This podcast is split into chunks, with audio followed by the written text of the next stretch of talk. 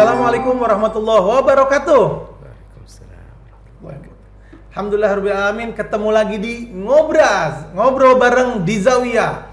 Podcast yang akan ngobrolin tema-tema dakwah Islam yang aktual Terpercaya Serius Tapi tetap santuy. Nah, Alhamdulillah podcast kali ini kita kedatangan tamu yang istimewa Luar biasa. Beliau adalah pimpinan Pondok Pesantren Hayatuddin Gunung Sindur Bogor Jawa Barat Yaitu Al-Habib Muhammad Bagir bin Alwi bin Yahya Assalamualaikum Habib. Waalaikumsalam Alhamdulillah.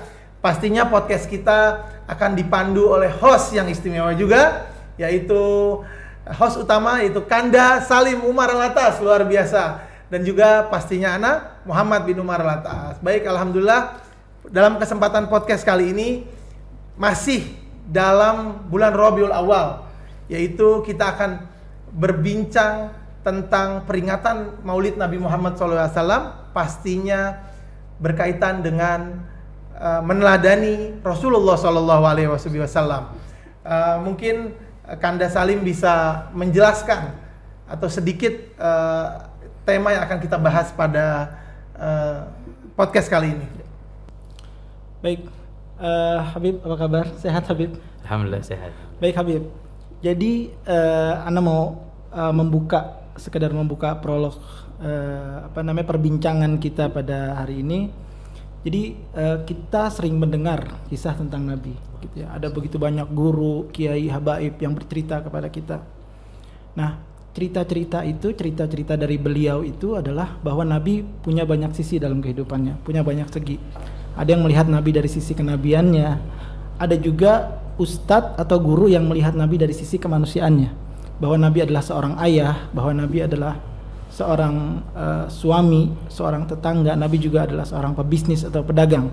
Nah, yang menarik, Bib, dari kisah-kisah tersebut, dari cerita-cerita tersebut, semua cerita tersebut melihat sisi Nabi, tapi walaupun dilihat dari sisi yang berbeda, semuanya indah begitu kira-kira. Kalau kita mau bandingkan atau kita bayangkan Nabi itu uh, seperti permata atau berlian. Jadi kalau kita lihat berlian itu kan punya banyak sisi, punya banyak segi tapi dari mana pun kita melihat segi berlian tersebut semuanya indah. Allah Nah, begitu pula cerita tentang Nabi. Mau lihat Nabi dari sisi mana pun gitu ya. Dari sisi beliau seorang ayah, beliau ketika bertetangga, beliau ketika dengan uh, keluarganya dan lain sebagainya, semuanya indah dan semuanya mulia. Pertanyaannya Beb yang kepengen kita nih kepengen tahu semua. Apa Beb yang membuat Nabi begitu mulia? Sehingga ketika mendengar cerita tentang Nabi tidak ada satu orang beriman pun yang tidak terharu tidak bergetar begitu apa Bib yang membuat Nabi begitu mulia? Ah, Bismillahirrahmanirrahim. Assalamualaikum warahmatullahi wabarakatuh. Waalaikumsalam buat sahabat ngobras. Iya sahabat sahabat zawiyah Habib sahabat zawiyah. Sahabat zawiyah ini istimewa. Alhamdulillah. Allah beri keberkahan amin amin amin amin. Uh, kita bersyukur pada Allah Subhanahu wa taala tidak lupa kita salawat pada Nabi Muhammad sallallahu alaihi wasallam juga serta salam atas keluarganya, sahabatnya. Amin. Alhamdulillah ketika kita berbicara tentang Nabi kita Muhammad sallallahu alaihi wasallam, kita bicara tentang Rasulullah sallallahu alaihi wasallam, uh, memang Allah Subhanahu wa taala jadikan banyak keistimewaan, banyak kemuliaan. Uh, di antaranya adalah Allah Subhanahu wa taala jadikan An-Nabi sallallahu alaihi wasallam ini adalah kisah tunggal dalam kehidupan manusia. Sebagaimana Syekh Abdurrahman Ad-Dibai pun mengatakan di dalam uh, sekelumit daripada Maulid Nabi atau kisah kelahiran Nabi, al-kaunu isyarah wa antal maksud. Uh, alam semesta ini bagaikan isyarat saja. Tapi tujuannya adalah Nabi kita Muhammad sallallahu alaihi wasallam. Jadi seperti dalam kehidupan manusia, semua kita masuk dalam kisah yaitu kisahnya Rasulullah SAW. Seperti kita masuk dalam kisah Nabi sebagai apa? Kita sebagai umatnya Nabi Muhammad SAW. Jadi uh, memang Nabi SAW manusia yang Allah Subhanahu Wa Taala muliakan sampai dijuluki basharun la kal bashar. Manusia tapi tidak seperti manusia. Ya, kaliyagud bainal hajar seperti apa mutiara di antara batu-batu biasa. Nah, inilah Nabi kita Muhammad sallallahu alaihi wasallam. Allah jadikan Nabi sallallahu alaihi wasallam sebagai ciptaan Allah yang paling mulia. Ciptaan Allah yang paling agung. ciptaan Allah yang paling hebat, yang paling dahsyat yang Allah Subhanahu wa taala berikan. Yang Allah berikan kesempurnaan untuk Nabi kita Muhammad sallallahu alaihi wasallam. Uh, maka dari itu kita melihat sisi bagaimana uh, kita ketika mendengar uh, kisah Nabi, cerita Nabi, pasti akan menyentuh hati kita. Allah. Sebab intisari dari kehidupan adalah Rasulullah SAW. Satu kita teliti uh, di dalam makna uh, nabi-nabi yang lain yang Allah Subhanahu wa taala utus. Nabi Ibrahim dijuluki Khalilullah atau sahabat Allah. Nabi Musa dijuluki Kalimullah sebagai yang diajak berbicara oleh Allah. Tapi yang paling istimewa adalah Nabi kita Muhammad Allah SAW. Dijulukinya Habibullah, Habibullah. kekasih Allah, kecintaan Allah. Ah, kecintaan Allah Habibullah ini sebagaimana kalau kita kembali kepada tadi sahabat Khalil atau kita kembali kepada kalimullah yang diajak bicara oleh Allah kalau Habib ini intisari dari pembicaraan intisari daripada kekasih intisari daripada sahabat ya cinta yang Allah Subhanahu wa taala berikan khusus untuk nabi kita Muhammad sallallahu alaihi wasallam. maka dari itulah Allah pun menjadikan di dalam kehidupan kita ketika kita mendengar tentang Rasulullah atau kita membaca tentang Rasulullah SAW pasti akan menyentuh hati. Bahkan begitu juga yang dialami oleh oleh orang-orang yang hidup di sekitar Rasulullah SAW sebagaimana disebutkan uh, di dalam uh, Sahih Tirmidzi dalam syama'ilnya mengatakan sifatnya Nabi itu man ra'ahu badihatan haba man ra'ahu badihatan haba wa man khalatahu ma'rifatan ahabba. Siapa orang yang pertama kali melihat Rasulullah SAW pasti dia segan hormat. Pertama kali. Ya. Bahkan orang-orang non muslim pun melihat Rasulullah itu segan. Wa man khalatahu ma'rifatan dan barang siapa yang mau bercampur untuk mengenal artinya mau duduk dengan Rasulullah mau tahu tentang Rasulullah mau mengenal Rasulullah pasti jatuh cinta dengan Rasulullah Allah sallim pasti jatuh cinta dengan Nabi Muhammad dengan cinta. berarti Bib memang ini kaitan dengan dengan cinta begitu ya. Jadi memang eh, betul nggak Bib? Ketika ya mungkin kita nih semua orang-orang Muslim, orang-orang beriman, ketika mendengar kisah Nabi pasti bergetar. Bahkan kadang suka meneteskan eh, air, mata. gitu ketika Nabi disakiti, ketika Nabi dizalim. Apa ini bukti cinta Bib? Nah, bukti.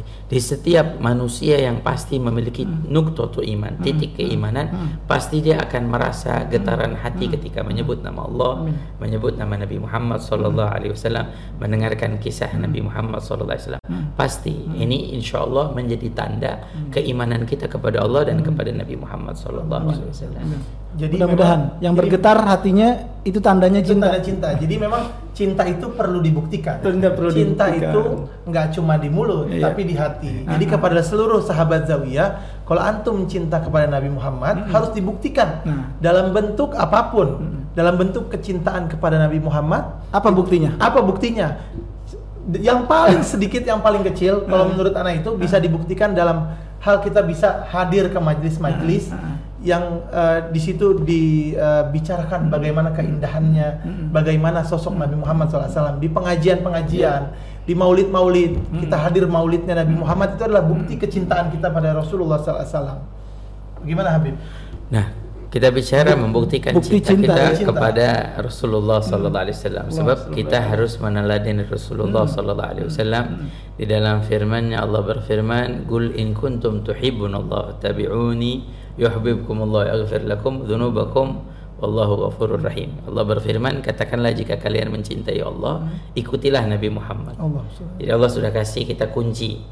Kita mau dapat cintanya Allah, ikuti Nabi Muhammad Al-Imam Al-Habib Abdullah bin Alwi Al-Haddad beliau mengatakan wa alamatu hubbillah minna tiba'uhu bihi wa adal ghufran ba'dal mahabbati. Tanda kecintaan kita kepada Allah adalah dengan mengikuti Nabi Muhammad. Tapi ingat, ketika kita ingin meneladani Nabi, mengikuti Nabi, maka kita perlu yang pertama pintunya adalah mencintai Nabi Muhammad. Nah, yang setelah kita uh, melewati ini baru kita bisa dapetin mengikuti. Ya, kalau kita nggak nggak nggak mencintai, bagaimana kita bisa mengikuti? Ya, Masukin dulu pintunya gitu. masuk Masukin dulu. Nah, sebelumnya lagi ada lagi pintunya namanya mengenal. Mengenal. Ya, ada pepatah tak kenal maka tak, Tak sayang. sayang. tak kenal maka tak cinta. Bagaimana kita mau sayang dengan Rasulullah? Iya. Bagaimana kita mau cinta dengan Rasulullah kalau kita tidak pernah mengenal? Maka perlu kita pertama membaca, meneliti tentang Rasulullah, mendengarkan kisah Rasulullah. Nah, adapun yang menjadikan kita membuktikan cinta kita kepada Rasulullah SAW uh, dengan meneladani Rasulullah dengan sebaik-baiknya. Tiga hal yang jangan sampai kita lepaskan, artinya kita jaga betul-betul. Yang pertama, perintah Allah, kewajiban jangan sampai kita tinggalkan. Ya. Yang kedua adalah yang haram kita tinggalkan. Yang ketiga kita mengamalkan sunnah-sunnah adab-adab Nabi Muhammad SAW. Ini semua untuk membuktikan cinta kita pada Rasulullah. Jadi kalau kita katakan kita sayang pada Rasulullah, kita cinta pada Rasulullah, apa yang menjadikan kita bisa membuktikan sayang kita dan cinta kita pada Rasulullah? Ya. Apa yang sudah kita korbankan untuk Rasulullah SAW? Uh, bukan banyaknya harta menjadikan kita bisa membahagiakan hati Rasulullah, membuktikan cinta kita pada Rasulullah. Ya. Bukannya banyaknya kendaraan yang kita punya membuktikan cinta. Tapi apa yang bisa menjadikan bahagia Rasulullah SAW ketika melihat kita umatnya betul-betul berada di jalannya Allah dan di jalannya Rasulullah betul-betul meneladaninya dengan baik. Nah, inilah membuktikan cinta kita pada Nabi Wasallam. Masya Allah. Keteladanan jadi. Keteladanan. Indah sekali. Indah sekali. Masya Allah. Habib lanjut eh, nah, terkait dengan eh, kehidupannya Rasulullah SAW. Oh, SAW. Bagaimana Habib biar sahabat Zawiyah bisa eh, tahu bagaimana sih Rasulullah SAW itu bermasyarakat, bagaimana Rasulullah SAW bertetangga, bagaimana bermuamalah. Jadi biar sahabat Zawiyah generasi muda ini tahu bisa meneladani Rasulullah dari kehidupan sehari-harinya. Karena banyak juga yang sahabat Zawiyah nggak tahu nggak tahu dan kita pun anak pun nggak tahu bagaimana sih Rasulullah sebenarnya kehidupannya. Seperti itu Habib. Nah, kita bicara kehidupan Nabi Sallallahu Iya, Alaihi Wasallam. Allahumma salli wa sallim wa Kehidupan manusia yang terindah yang Allah Allah. Subhanahu Wa Taala jadikan dalam kehidupan. Ah, kehidupan Nabi Sallallahu Alaihi Wasallam dengan keluarganya begitu indah, dengan sahabatnya, dengan tetangganya. Banyak sering kita mendengarkan ah, bagaimana muamalah Nabi Sallallahu Alaihi Wasallam. Dalam segi akhlaknya, adabnya. Nabi Sallallahu Alaihi Wasallam selalu berbaik hati, murah senyumnya Nabi Sallallahu Alaihi Wasallam selalu menolong kepada sesama tetangganya. Nabi Sallallahu Alaihi Wasallam selalu memberikan kasih sayang kepada yang lain. Bahkan juga kita melihat dari sifat mulia Nabi Sallallahu Alaihi Wasallam dalam muamalah yang paling hebat juga kejujuran Nabi kita Muhammad Sallallahu Alaihi Wasallam. Bahkan di dalam sebelum Allah Subhanahu Wa Taala mengutus Nabi, artinya sebelum bi'tha di umur Nabi 40 tahun, Nabi itu di Mekah sudah dijuluki Al-Amin. Amin. Orang yang amanah, orang yang jujur. Ya, Kenapa? Beliau kenapa dijulukin Al-Amin? karena eh, setiap orang-orang eh, kafir itu bahkan di masa itu tidak mempercayai kepada siapa pun. Bahkan orang kafir itu tidak mempercayai kepada orang tuanya. Nah, mereka menitipkan amanah tidak percaya pada orang tua, tapi semua menitipkan pada Nabi Muhammad SAW. Sampai dikisahkan ketika Nabi SAW hijrah dari Makkah ke Madinah, Nabi itu tidak mengajak Sayyidina Ali karramallahu wajah ikut bersama. Tapi Sayyidina Ali diperintahkan oleh Nabi untuk tidur di tempat Nabi. Bukan hanya sekedar tidur menggantikan Nabi, tapi apa untuk mengembalikan semua amanah-amanah titipan orang-orang kafir tetangga-tetangga Nabi yang dititipkan kepada Nabi untuk dikembalikan. Padahal Sayyidina Ali kepengen banget eh, untuk hijrah sama Nabi. Siapa yang nggak mau. Ya, tapi karena ini perintah Nabi SAW dan Nabi dari dari kejujurannya yang begitu hebat luar biasa uh, yang menjadikan bukti ya dalam muamalah kehidupan yang kita bisa teladani kejujuran Nabi SAW. Ini satu sifatnya. Iya. Belum sifat yang lain. Begitu juga dengan keluarganya Nabi, dengan tetangganya. Bagaimana Nabi Shallallahu Alaihi Wasallam selalu berbaik hati bahkan kepada orang-orang yang dekat dengan keluarga Nabi. Sayyidah Khadijah meninggal, Nabi SAW tidak lupa kepada sahabatnya Sayyidah Khadijah mengirimkan makanan kepada mereka, mengirimkan hadiah. Ini satu bukti bagaimana muamalah, Muamalah. yang begitu indah Yang begitu. dari Nabi kita Muhammad Allahumma SAW. Jadi memang-. Ya wajar sih Bib. Kalau anda dengar cerita dari Habib tadi, wajar kalau kita mendengar kisah Nabi kalau nggak bergetar itu ada yang ada yang Berarti salah ada dengan, yang salah dengan hati kita. Ada yang salah dengan hati kita. Iya. Jadi si- siapa pun orang yang beriman pasti bergetar. Bayangkan eh, beliau bukan cuma dipercaya oleh orang-orang beriman, tapi orang-orang yang tidak beriman, orang-orang kafir. Habib bilang tadi sampai menitipkan hartanya, Hartanya. menitipkan harta bendanya kepada Nabi. Berarti kan begitu istimewa, begitu luar biasa ahlaknya Nabi. Berarti ada keteladanan Bib, di situ, Bib. Ada keteladanan. Nah, Mungkin bagaimana Habib sahabat zawiyah kita nih generasi muda itu yang sudah jauh Iya, ahlak ini hidup- kita bicara ahlak jauh berarti. hidup dengan Nabi Heeh. tidak pernah mengenal Nabi Heeh. Beratus-ratus tahun yang lalu nah bagaimana cara kita untuk meneladani itu? Nah, karena ada- zamannya juga udah karena agak udah berbeda. zaman Nabi zamannya dulu eh, tahun 1400 tahun yang lalu sedangkan kita sudah zaman gegap gempita sosial media Habib. Nah bagaimana Habib eh, eh, bisa menceritakan ini begitu? Insya Allah caranya sering-sering dengerin ngobras. Oh, ini dia, Karena- masya Allah. Itu pesan dari Habib, masya Allah. Karena kita kita apa namanya di sini banyak membicarakan tentang Nabi Muhammad Allah, SAW. Jadi kuncinya kita yang jauh. Memang jujur kita jauh sangat jauh. Eh, bahasanya Nabi Shallallahu Alaihi Wasallam ini membawa cahaya. Ya. Kita nih kayak jauh dari cahaya kayak kayak kayak gelap gitu. iya, ya keadaan kita tuh dalam kehidupan kita kayak gelap. Kita perlu dengan cahaya. Cahaya. Nah, cahaya itu adalah eh, kehidupan Nabi Shallallahu Alaihi Allah Wasallam. Makanya kuncinya adalah kita banyak mendengarkan atau memperhatikan seperti kita melihat eh, kajian-kajian di ngobras nih, masya Allah, amin. yang menceritakan tentang Nabi Shallallahu Alaihi Wasallam Allah atau membaca buku atau kitab tentang Rasulullah seperti kitab Syama'il Imam Tirmidzi, seperti kitab Al-Wasailil Wusul, Al-Imam eh, Syekh Yusuf An-Nabhani. Semua yang menceritakan tentang Rasulullah supaya apa? Kita mengenal dekat Rasulullah. Agar kita bisa meneladani Rasulullah. Kuncinya linasir binuri siratihi sallallahu alaihi wasallam. Kita membaca kisah Nabi, mendengarkan kisah Nabi, hadir di majlis yang dibahas tentang Nabi, yang dikaji tentang Nabi sallallahu alaihi wasallam supaya kita nasir berjalan binuri siratihi sallallahu alaihi wasallam dengan cahaya kehidupan Rasulullah. Allahumma salli wa sallim wa barik alaihi. Jadi kesimpulannya cerita Nabi itu adalah cahaya. Nah, ya, Kesim- sebagaimana Allah Subhanahu wa taala sebutkan di dalam surat Hud. A'udzu billahi minasyaitonir rajim. Bismillahirrahmanirrahim. Wa kullan naqussu 'alaika min anba'ir rusuli ma nuthabbitu bihi fuadak. Wa ja'aka fi hadhihi al-haqq wa mau'izatun wa dzikra lil mu'minin. Apa kata Allah Subhanahu wa taala dan setiap kisah-kisah Rasul, kisah Nabi, ya, semua diceritakan oleh Allah dalam Al-Qur'an. Apa tujuannya? Linuthabitu bihi fuadak. Pertama untuk mengkokohkan hatimu, Ya. nguatin iman kita. Ya, waja'aka fi hadhil haq dan datang padamu itu semua kebenaran. Wa mau'izatun yang ketiga adalah nasihat. Mau'izah buat kita.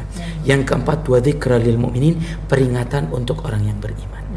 Ayat ini pertama turun pada Nabi Muhammad SAW mengingatkan Rasulullah. Sedangkan Rasulullah orang yang kuat imannya, yang luar biasa ya dalam derajat keimanannya di sisi Allah Subhanahu wa taala. Untuk apa memahami kisah-kisah Rasul? Namun ayat tersebut kembali kepada kita. Kalau Rasulullah saja diminta oleh Allah untuk memahami atau mendengarkan atau mengetahui kisah para rasul, para nabi, bagaimana kita yang lemah iman. Kedua, kalau ya eh, kisah-kisah para rasul, para nabi menjadi penguat iman yang didatangkan dengan kebenaran, kemudian peringatan untuk orang-orang yang beriman, bagaimana dengan kisah Nabi kita Muhammad SAW? Bagaimana kisah Rasulullah? Maka uh, pesan saya buat kaum pemuda-pemudi pecinta Rasulullah SAW, kita perlu banyak mendengar, perlu banyak mengkaji, membaca uh, tentang Rasulullah Sallallahu Alaihi Wasallam. Karena waktu kita kadang-kadang terbatas. Iya. Ya kalau ngobrolnya waktu terbatas, nggak bisa membahas semua Iya. tentang Rasulullah Tentang SAW. Tapi kita bukakan kunci. Ayo. Kunci. Ya, semangat. Allah. Jadi ini kuncinya dikasih Kunci. barusan. Iya, jadi sahabat Zawiyah yang dirahmati Allah Subhanahu wa taala, jangan lupa pesan Habib eh, Muhammad Bagir tadi untuk sering-sering dengerin ngobrol. Itu dia yang penting. Jadi jangan lupa subscribe, like, komen dan share di seluruh sosial media Zawiyah Channel dengan username @zawiyah_channel. Jadi eh, saran dan komentar sahabat Zawiyah sangat diperlukan untuk uh, uh, terus keberlangsungannya Zawiyah Channel. Baik, alhamdulillah. Kita lanjut uh, uh, terkait dengan salawat Nabi Muhammad SAW. Habib. Nah, kenapa uh, salawat menjadi amalan yang utama, Habib? Kenapa orang selalu kalau ustadz, kalau Habib, kalau kiai itu selalu ke, ngajarin kita ngajarin kita berselawat. Nah, kenapa Habib seperti itu? Ketika kita bicara tentang solawat, uh, perintah dari Allah Subhanahu Wa Taala, semua dalam kehidupan kita penuh dengan perintah dari Allah. Perintah, perintah ya. Allah. Namun semua perintah yang Allah perintahkan kepada kita, Allah tidak melakukannya. Oh. Ya. Tapi satu-satunya perintah yang Allah Subhanahu Wa Taala memulainya untuk kita. Hmm Ya, apa itu? Yaitu perintah bersolawat Allah atas Nabi Muhammad SAW. Sebagaimana dalam firman-Nya, Inna Allah wa malaikatahu yusalluna ala nabi. Ya ayyuhalladzina amanu sallu alaihi wa sallimu taslima. Sesungguhnya dan para malaikatnya bersolawat atas Nabi Muhammad SAW. Wahai orang-orang yang beriman. Nah, ini menandakan uh, keagungan atau kemuliaan tentang solawat atas Nabi Muhammad SAW. Bib, kalau kita boleh tahu sedikit maknanya solawat apa Bib sebenarnya? Maknanya solawat. Atau... Nah, nah makna solawat Sayyidina Abdullah ibnu Abbas sahabat Nabi uh, Bahrul Ummah yang hebat luar biasa khususnya di dalam ilmu Quran. Sayyidina Abdullah bin Abbas mengatakan solawat ini ada tiga makna. Sebagaimana Allah berfirman, Inna Allah wa malaikatahu yusalluna ala nabi. Sesungguhnya Allah dan para malaikatnya. Ada Allah, ada malaikat. Ya, ya ayyuhalladzina amanu Kemudian wahai orang-orang yang beriman, ada orang-orang beriman. Maknanya ada tiga. Pertama dari Allah. Makna dari Allah adalah rahmah magrunah bit ta'zim. Rahmat yang Allah berikan dan dibarengi dengan Allah mengagungkannya, Allah memuliakannya. Makanya ada salawat dari Allah. Seperti keistimewaan solawat nih. Kenapa solawat menjadi amalan yang paling mulia? Sebab satu solawat yang kita bawa baca hmm. itu semua dibalas oleh Allah dengan sepuluh solawat. Allah. Man alaihi sallallahu alaihi biha asyara. Siapa orang bersolawat kepadaku kata Nabi satu kali dalam hadis sahih disebutkan hmm. Allah bersolawat atasnya sepuluh kali. Artinya apa? Allah memberi rahmat dan memuliakan derajatnya sepuluh kali lipat daripada Allah. Ini yang pertama. Yang kedua, solawat dari malaikat. Ya salawat dari malaikat ini makna maknanya adalah istighfar. Hmm. adalah malaikat memintakan pengampunan untuk kita. Makanya ada di dalam satu hadis Nabi innallaha wa malaikatahu yusalluna ala man shalla fi sufufil awal sesungguhnya Allah dan para malaikat bersolawat atas orang-orang yang senang solat di soft pertama ini keutamaan sholat di soft pertama, menjaga kita sholat di soft pertama sampai dapat sholat dari Allah dan malaikat. Artinya apa? Dapat rahmat dari Allah dan dapat istighfarnya para malaikat. Nah pertanyaannya kita kalau soft kalau sholat softnya yang paling berapa nomor? Kadang-kadang oh di belakang. nah, jangan harus di depan ini pesan dari Habib harus di depan biar mendapat ampunan dari malaikat. Nah, malaikat. Nah yang ketiga dari manusia adami. Iya Nah, apa ini makna salawat dari manusia? Ad-doa adalah doa dan permohonan kepada Allah. Jadi setiap kita bersolawat ini kita berdoa. Nah, apa yang menjadikan satu-satunya solawat ini sebagai amalan yang paling spesial? Ya, bahkan kalau yeah. buat kita nih sekarang anak-anak muda di zaman kita menjadi uh, vitamin akhirnya. Ya, vitamin. Vitamin kita sampai ada ulama mengatakan solawat ini guru bagi orang yang tidak punya guru. Hmm kita para banyak sholawat. Sehingga orang-orang yang ingin baru berhijrah baru ingin memulai kehidupannya di jalan Allah ingin mencari ridho Allah uh, bingung memulai dari apa. Perintah sudah dikerjakan. Mulai juga dari sholawat pada Nabi. Allah. dengan memperbanyak sholat. Apa yang menjadikan sholawat satu-satunya amalan yang istimewa? Sebab sholawat ini pasti diterima oleh Allah. Makanya kenapa para ulama menjadikan salawat sebagai amalan utama untuk menutup kekurangan-kekurangan ibadah kita begitu Habib. Betul. Karena salawat Habib bilang pasti diterima pasti, begitu. pasti diterima insya Allah. Ada Muhammad. Jadi, jadi pengen sering-sering iya, jadi sahabat Zawiyah harus sering-sering bersalawat kepada Nabi Muhammad sallallahu alaihi wasallam. Baik Habib uh, terkait dengan dakwah digital hmm. dakwah online dakwah offline.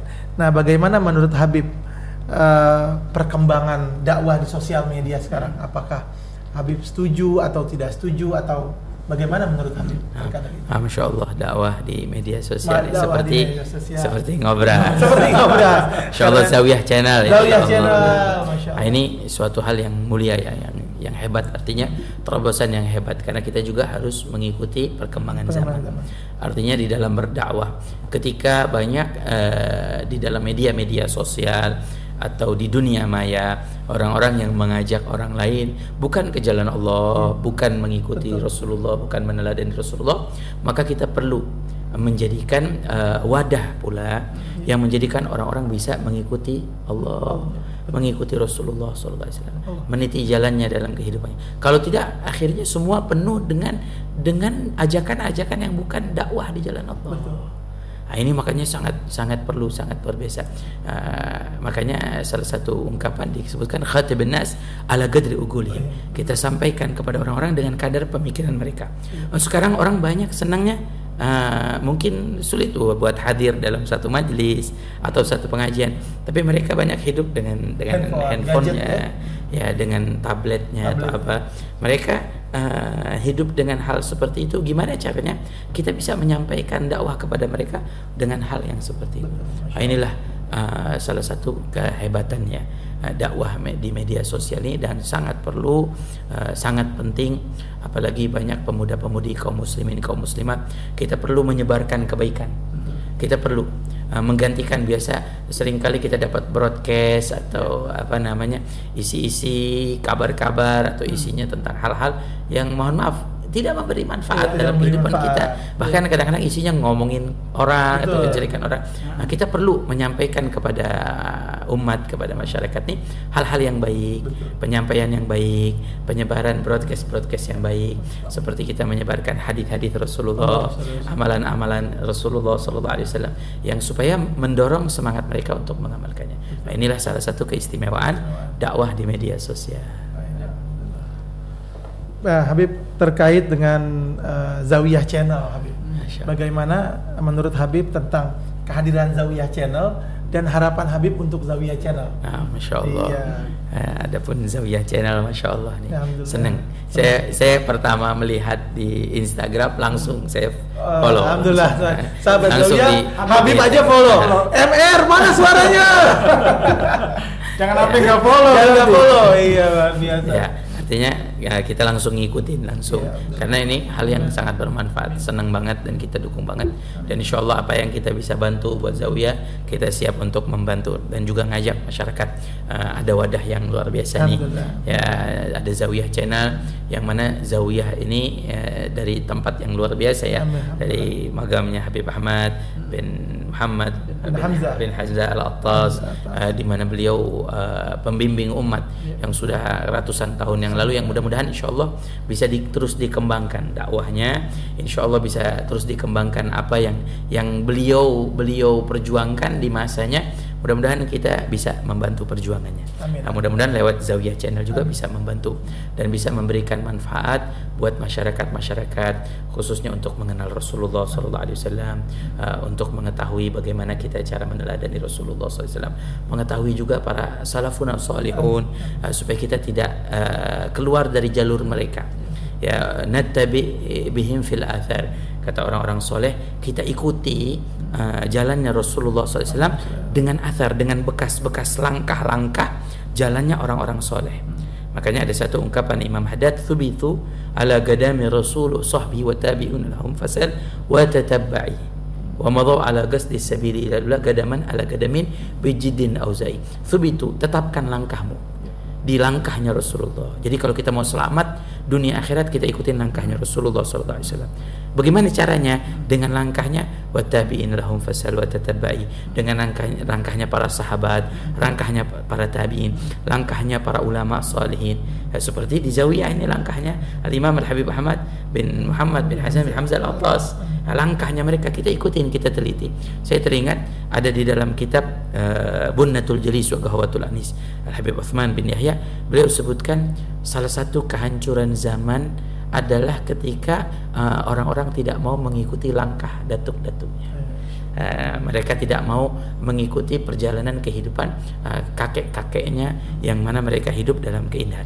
Fa insyaallah saya berharap uh, Zawiyah Channel ini bisa memberikan uh, pengetahuan Amin. tentang langkah-langkahnya orang-orang soleh supaya kita bisa ngikutin kita bisa meniti langkahnya oh begini oh begini oh begini so insya Allah Zawiyah Channel diberi keberkahan Amin, Allah amin. satu hal Bib, Amin, amin. kita tutup satu hal yang paling Iya. penting hari ini kita betul-betul mendapatkan kunci Kunci. kunci untuk bagaimana cinta kepada Pada Nabi, Nabi Muhammad sallallahu alaihi SAW. kunci untuk bagaimana meneladani kisahnya Nabi Amin. dan para sahabat serta para tabiin dan para alim ulama Amin, sampai amin, sekarang. Insya Allah mudah-mudahan kita bisa pegang kunci tersebut Amin, amin, ya sehingga kita bisa jadi orang bukan hanya kita yang cinta kepada Nabi tapi kita dicinta sama Nabi. Allahumma sholli wa sallim wa ya barik Rabb. alaih. Alhamdulillahirabbil alamin.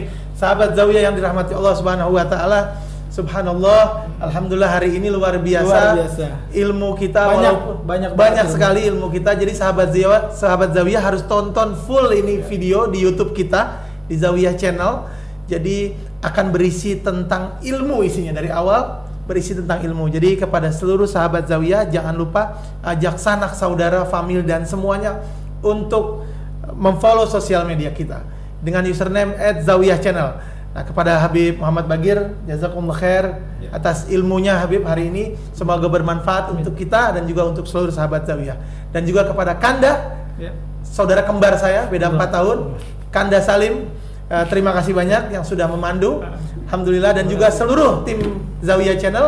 Ada Sony Zulkifli, ada Bayu di kameramen dan juga eh, Fauzan eh, Yazid di programming luar biasa. Alhamdulillah, terima kasih. Wassalamualaikum warahmatullahi wabarakatuh. Waalaikumsalam warahmatullahi wabarakatuh. Habib sebelum se- sebentar sebelum ditutup ah, sebelum ditutup masih oke sebelum ditutup kita punya yel-yel Habib. Kita punya yel-yel. Ini yel-yel ini alhamdulillah sudah mendunia. Karena di mana tempat saya maulid, Zawiyah mendunia, selalu begitu semuanya. saya ke Empang Bogor, saya ke Al-Hawi, itu semua Zawiyah mendunia, semua begitu, masya Allah. Alhamdulillah, mudah-mudahan dari slogan ini itu benar-benar Zawiyah bisa mendunia. Jadi doa. Amin. Jadi doa, amin ya Allah. Jadi Habib, kalau kita sebut Zawiyah, disebutnya nanti eh, mendunia. Mendunia, siap. Habib izin Habib ya. Siap. Iya, Habib. Anda siap kan? Siap, siap. Baik, ah, masya Allah. Bismillahirrahmanirrahim. Oke, Zawiyah mendunia, Zawiyah mendunia, Zawiyah mendunia. Wassalamualaikum warahmatullahi wabarakatuh. Waalaikumsalam warahmatullahi wabarakatuh.